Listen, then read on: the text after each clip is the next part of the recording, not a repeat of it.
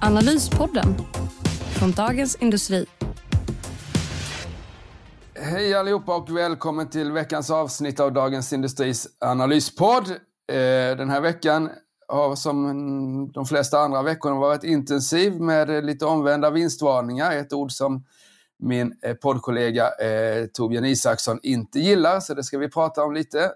Och sen så har vi förstås nya Tur i Alecta där VD Billing har fått lämna, veckans case som vi numera har och så får vi väl prata lite om veckan som kommer nästa vecka då vi, eh, rapportsäsongen kör igång på allvar eh, med Ericsson på tisdagen. Men det har ju varit en del förhandsbesked också. Volvo har kommit med en fantastisk eh, eh, uppdatering för Q1 som slog alla förväntningar och även eh, fettillverkaren ARK kom här på fredag morgon när detta spelas in på ett, med en ny stark rapport som höjde aktien 10 procent. Eh, vad tror du Torbjörn, är det, räcker det som, som veckans agenda eller vill du lägga till något?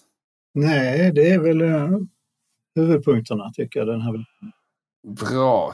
Ska vi börja med eh, senaste turen i Läkta som du har ägnat eh, nästan hela din tid åt här senaste veckan sen, sen eh, smällen inleddes i San Francisco då med det här eh, Silicon Valley-banken och så har det då fortsatt eh, turerna där. Vad är det som har hänt och vad är det som kommer hända och vad är det för frågetecken som återstår att rätat ut i din, som du ser det? Eh, ja, det som senast hände det var att under påskhelgen så hade ju styrelsen ett extra möte och bestämde sig för att sparka VD Magnus Billing som de då hade förtroende för fram till, fram till dess. Och så brukar det i och för sig vara, men det är ju lite udda att de har det här mötet över påsken. Kan man tycka. Det, det gick väldigt brådstörtat till här mot slutet eh, med honom. Det, det, det, är en, det är en organisation i fullständig kris och upplösning kan man nästan säga. Och eh, de vet nog inte riktigt hur de ska ta sig ur detta. Och nu är det väldigt många poster som eh, där det inte finns någon ordinarie person utan de, de verkar slänga in folk lite det, det de, de hittar, känns det som. Det är ju, det är ju ingen, det är ingen långsiktig lösning. Eh, nästa steg det är ju på torsdag i nästa vecka så har den här överstyrelsen sitt möte vilket är deras motsvarighet till en bolagsstämma. Och, för en gångs skull är det bli ganska mycket folk som går på den. Men det, det är en märklig konstruktion för att de som stoppar in pengar, företagen som stoppar in pengar och de människor som har sina pensionspengar där, de har ingenting att säga till om utan det är en överstyrelse som består av eh, folk från Svenskt Näringsliv och ett gäng fackliga organisationer. Så att folk kommer att kunna gå till Münchenbryggeriet men de har ingenting att säga till om. För den som bestämmer i den här överstyrelsen, de är väl ett antal personer där, men där sitter ju bland annat Svenskt Näringslivs VD eh, väl och, och lite sånt där. Ja, Svenskt Näringslivs VD är ju i styrelsen för Alecta. Mm. Sen är det ju det är 38 personer i överstyrelsen, var hälften kommer från Svenskt Näringsliv. Och vad, vad, vad, vad, tror du då? Vad, vad, vad, krävs för att de ska liksom komma tillbaka på banan igen? Det, och har det påverkat verksamheten? Vi hade ju en artikel i, för inte så länge sedan där, där liksom Alekta fick, fick vara med och förvalta eh, våra pensioner så att säga. De, de fick förnyat mandat medan en del andra åkte ut och sådär. Så det verkar ju liksom inte ha påverkat den grundläggande affären, eller hur, hur ska man se på det? Det, det där är också lite komplext för att eh, de, de som utser här vem som ska förvalta, det är egentligen en systerorganisation till Alecta. Så att eh, det är väldigt rörigt kring, eh, kring hur de här pensionspengarna egentligen förvaltas och styrningen av det där. Där finns nog mycket som borde åtgärdas framöver för det är uppenbart att det inte fungerar riktigt som det ska. Det, det, för det första är det otroligt mycket pengar de förvaltar och folks pensioner.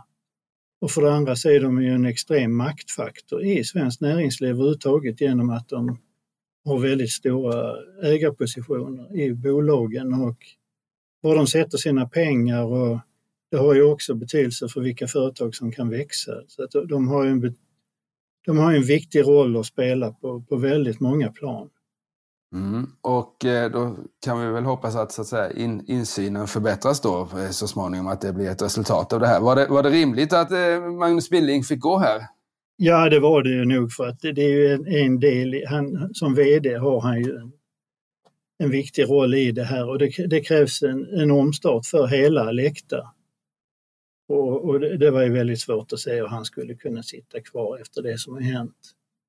Organisationen har ju under många år liksom eh, utarmats kompetensmässigt på ett väldigt allvarligt sätt. Så att, och jag tror eh, det är väl så att hela organisationen är i, i, i lite kaostillstånd nu och sen alla de här utspelen om från bland annat eh, Inge Bunde där hon attackerar den tidigare aktiechefen på ett sätt som man inte riktigt har sett någonsin så, så är det ju nu väldigt mycket motsättningar och, och bristande förtroende, inte bara externt utan även internt.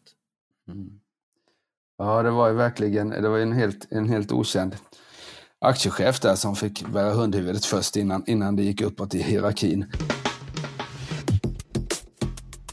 Du, jag tror vi lämnar Alecta där. Eh, det har ju hänt mycket, mycket annat. Eh, Eh, för oss som håller med på med, på, på med börsen här så var ju den stora händelsen eh, Volvos omvända vinstvarning som också kom precis efter, efter påskhelgen. Eh, eh, eh och där de redovisar då ett resultat på 18 miljarder mot väntat 12 miljarder och det är både lastvagnarna och, och eh, VC, alltså gruv, gruv, gruv, gruvindustrin som, som har gått jätte, jättebra här. Och det, jag tycker det är jätteintressant. Eh, och lägger man till då det här AAK, alltså eh, fettbolaget från Malmö, som också kom med en rapport som var en 30-40% bättre än väntat, så, så tycker jag att det är intressant det här att vi har då, och med den här inflation vi har haft egentligen senaste dryga året här, att det, det liksom företagen har verkligen eh, eh, dragit nytta av, av... Förr i tiden så var det omöjligt att få någon börs att prata om priser till kund och sånt där. Det var liksom eh, ett stort no-no. Men eh, sen så hände ju någonting när inflationen började ta fart och vi, jag som är med i de här eh, tv-sändningarna på Börsmorgon och intervjuar eh, vd i samband med rapporterna, eh, eh ett par hundra vd vi får in i de där tv-sändningarna. Det var ju liksom alla pratade om att de skulle höja priserna och många hoppades kunna höja priserna innan de själva fick möta prishöjningar. Så alltså det liksom var, var lite proppen nu där och det ser man nu då det, exempelvis eh, ja, AIK som ökar vinsten per kilo, eh, kilo fett då egentligen med 70 procent här senaste året. Och det är klart att det är ju det hamnar hos chokladtillverkarna och sen så hamnar det hos kunderna i sista, i sista ledet här. Och och eh, ja, det är eh, intressant här att man liksom kan fortsätta höja priserna eh, på det, i den takten och hur länge ska det fortgå? Och, och man får ju hoppas då för oss stackars konsumenter att marknadsekonomin fungerar även i industridelen här så att, så att prisökningarna i industrin inte blir som de här två bolagen har liksom rapporterat om i alla fall. Men det, är ju, det verkar vara en perfekt sweet spot här för många bolag. Eh, nu får vi väl se om det gäller alla bolag när rapportsäsongen drar igång nästa vecka, men att man liksom har fortsatt kunna höja priserna samtidigt som priserna in i bolagets prisökning in i bolagen har, har avtagit på ett ganska dramatiskt sätt tycks det som om man läser Volvos rapport. Det var ju faktiskt Volvos eh, delårsresultat här för första kvartalet är det högsta som ett svenskt bolag har gjort i sin, i sin rörelse på 18 miljarder, så det var ju alldeles fantastiskt. Och aktierna steg ju, Volvo steg 8% och AAK upp 10% här på morgonen. Så det, det, och det sätter ju, det är lite intressant här, för det sätter ju lite, eh, höjer lite förväntningarna inför rapportsäsongen här. Man förväntar sig nog, även om det inte, vi kommer inte se det i, i de här förhandsbeskeden, analytikernas prognoser som, som släpps nu. Men det finns nog lite whispering där ute att, att ja, ja, titta på Volvo så, kommer vi, så har vi liksom man ska nog som bolag slå förväntningarna för att få kurslyft här eh, i, i rapporterna som kommer in nästa vecka. Jag vet inte om du eh, har du någon take på det där och, och vinstutvecklingen i industrin och konkurrensen i industrin eh, och sånt där? Nej, men det är klart att om, det, om ett bolag kommer inför rapportperioden med, med sån där liksom chockhöjning av förväntningarna så det, det måste ju smitta av sig på och, och öka kraven på de andra. Mm. Så är det. Bra. Eh, eh, något annat du tycker som vi ska prata om då? Är det något annat som, eller har det varit fullt upp med Alecta eller har du fastighetssektorn är något nej, som du också nej, tittar på? Ju förresten det där med den här omvända vinstvarningen ja, som, som jag igår började reta mig lite på. Mm. Det där uttrycket som jag tycker det känns ju väldigt märkligt. Det, det borde ju gå att hitta ett, eh, ett smidigare uttryck än en omvänd vinstvarning. Ska vi, har du något förslag eller ska vi utlysa, utlysa en tävling till eh, våra lyssnare så de kanske kan få en, någonting i pris, den som kommer med bästa förslaget eller har du något, har du något som redan är jag, bäst? Jag har ju någon tanke men eh, jag tror det är en bra idé att låta folk eh, låta folk komma med inspel kring det där. Det finns säkert någon som har tänkt ut något begåvat eller har, någon, har någonting någon som är duktig både säga, på... som är lite bättre än den nuvarande. Någon som är duktig både på språk och på, på, eh, på ekonomi. Ja, ni får väl... Jag tror det är enklast att man får mejla mig då, ulfpettersson.de eller ulfpettersson.de.se så kan jag utse en vinnare här och så får jag se vad jag ger i pris också. Det beror nog på hur bra förslaget är, om det blir eh, nånt. Men någonting kan vi nog hitta i, i våra olika skåp på Dagens Industri. Ja, det var en bra idé. Eh, vi har ju också veckans case alltid och eh, denna vecka så eh, vill vi slå ett slag för Scandic Hotels. Eh, kan man ju fundera på om man verkligen ska köpa den aktien med tanke på hur, hur, hur, hur dyrt det har blivit att leva och har man då råd att även bo på hotell. Men, eh, men eh, aktien är riktigt lågt värderad. Eh, till skillnad från många andra stora hyresgäster så är det omsättningsbaserade hyror. Man ser ju här hur, hur liksom Eh, detaljhandeln eh, går på knäna med minskad efterfrågan och stigande kostnader i form av hyror. Men det gäller inte riktigt i, i, bland hotelloperatörerna, för där betalar hotelloperatörerna en, en, en hyra i förhållande till, vad, till deras omsättning, så då så att säga, blir det en utjämnande effekt där. Och det är P9. Eh, de kommer komma med, om, om, om eh, Volvo kommer med ett kalasresultat för Q1 så kommer Scandic Hotel vara ännu bättre, för det är knappt ingen som kommer ihåg, men vi hade precis för ett år sedan, eller ja, lite drygt för ett år sedan, under första kvartalet förra året, en, en, en, eh, en våg av pandemi som gjorde att eh, det var rakt ner på beläggningen och det har det ju inte varit det här, den här Q1. Så alltså. de kommer redovisa ett rejäl resultatförbättring Q1 och det tror jag kan eh, göra att aktien stiger en del. Eh, P8, 9 någonting på kommande års vinst och tar man eh, sina utländska kollegor, betydligt större bolag förvisso, Hilton och, och lite sånt där, så värderas de till 15-20 gånger vinsten. Så det är en rabatt på, på Scandic. Och, och vad det gäller eh, balansräkningen som är, som är förstås viktig då, så har den rättats till ganska dramatiskt genom en, en nyemission eh, i samband med pandemin och ett, ett konvertibellån som, man, som löper i i, i ja, två år till egentligen, nästan två år till. Och som man har faktiskt pengar att betala av om man skulle behöva göra det och då minskar räntan en del. Så det, det ser bra ut tycker jag. Eh, är Scandic Hotel något som du har någon erfarenhet av? I, i vilken egenskap menar du då? ja, ja, eller hur som helst. Har du någon åsikt? Nej, jag har väl ingen, ingen eh, konträr åsikt kring dem där, det kan jag inte påstå. Bra. Eh, ha, eh, mer då så är det ju, det gäller att vi liksom eh, eh inte pratar för länge idag utan ladda, ladda, eh, ladda eh, inför nästa vecka. Då rapportsäsongen drar igång eh, och vi börjar ju med Ericsson eh, på tisdag den 18 april här. Börje Ekholm har, har, som är VD på Ericsson har ju eh, Eh, eh satt ner förväntningarna rejält och det gjorde han, eh, han i samband med Q4-rapporten när han pratade om ett, mm, att här, den här svaga Q4 skulle eh, få sin eh, uppföljning då i form av en svag Q1 och kanske även en svag Q2 innan, innan det börjar vända då med de här besparingsprogrammen och annat som Ericsson håller på med och de har sålt en del förlustverksamhet och sådär. Men det är ju det där är ju, börsen är faktiskt inte så långt från all time high nu. Tittar man på OMX30 och lägger tillbaka utdelningarna, tar ett sånt här utdelningsjusterat index så är vi en 4-5 procent från all time high. Men det gäller ju inte Ericsson som är i, i botten på alla möjliga liksom, listor över olika tidsperioder här. Så det har varit verkligen ett, några tuffa år för Börje Ekholm. Man började ju starkt då som nytillträdd VD där, men sen har det gått åt andra hållet. Jag vet inte, Ericsson är ju något som du har skrivit om ibland sådär. Är det något som intresserar dig? Ja, det är klart att det, det intresserar. Det intresserar väl väldigt många människor och det, man kan väl konstatera att det är svårt att se hur de ska kunna överraska riktigt lika positivt kanske som eh, Volvo och eh, AAK här. Men vad det gäller rent allmänt när det gäller det här inför nästa vecka skulle jag vilja slå ett slag för eh, dagens texter här under generalen eh, Mikael Vilenius i tidningen. För det är ju väldigt mycket information eh, att ta till sig inför så att man är väl förberedd inför det som kommer nästa vecka. Mm. Ja, Micke gör alltid ett jättejobb inför, inför rapportperioderna. Eh, så han gör och vi hjälper till lite grann, men det är han som håller i, i, i taktpinnen där. Så den, den, är absolut läsvärd för de som är intresserade av, av, av aktier och börs och eh, bolag och eh, kommande rapportsäsong.